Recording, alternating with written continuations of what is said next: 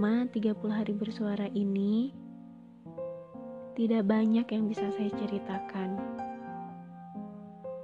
Mungkin bisa dibilang, ini hanya sebuah memori yang paling berbekas di hidup saya untuk dia yang paling saya rindukan.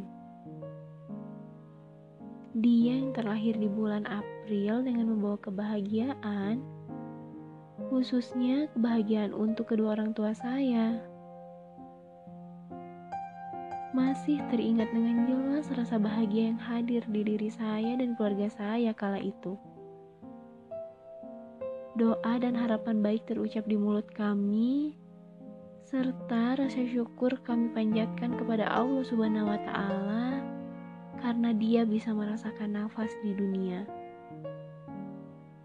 Walaupun selama dua minggu dia harus berjuang dengan alat sampai akhirnya Allah memiliki rencana lain untuknya.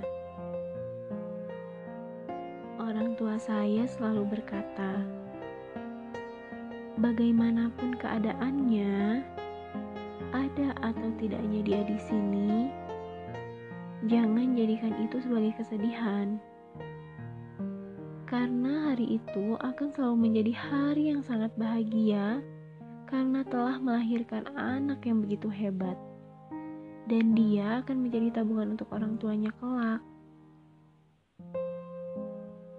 Untuk 1 April 2006, hari yang tidak bisa dilupakan karena telah menghadirkan dia yang begitu sempurna dan dia yang menjadi penguat bagi kami. Terima kasih untuk kamu yang sudah berjuang.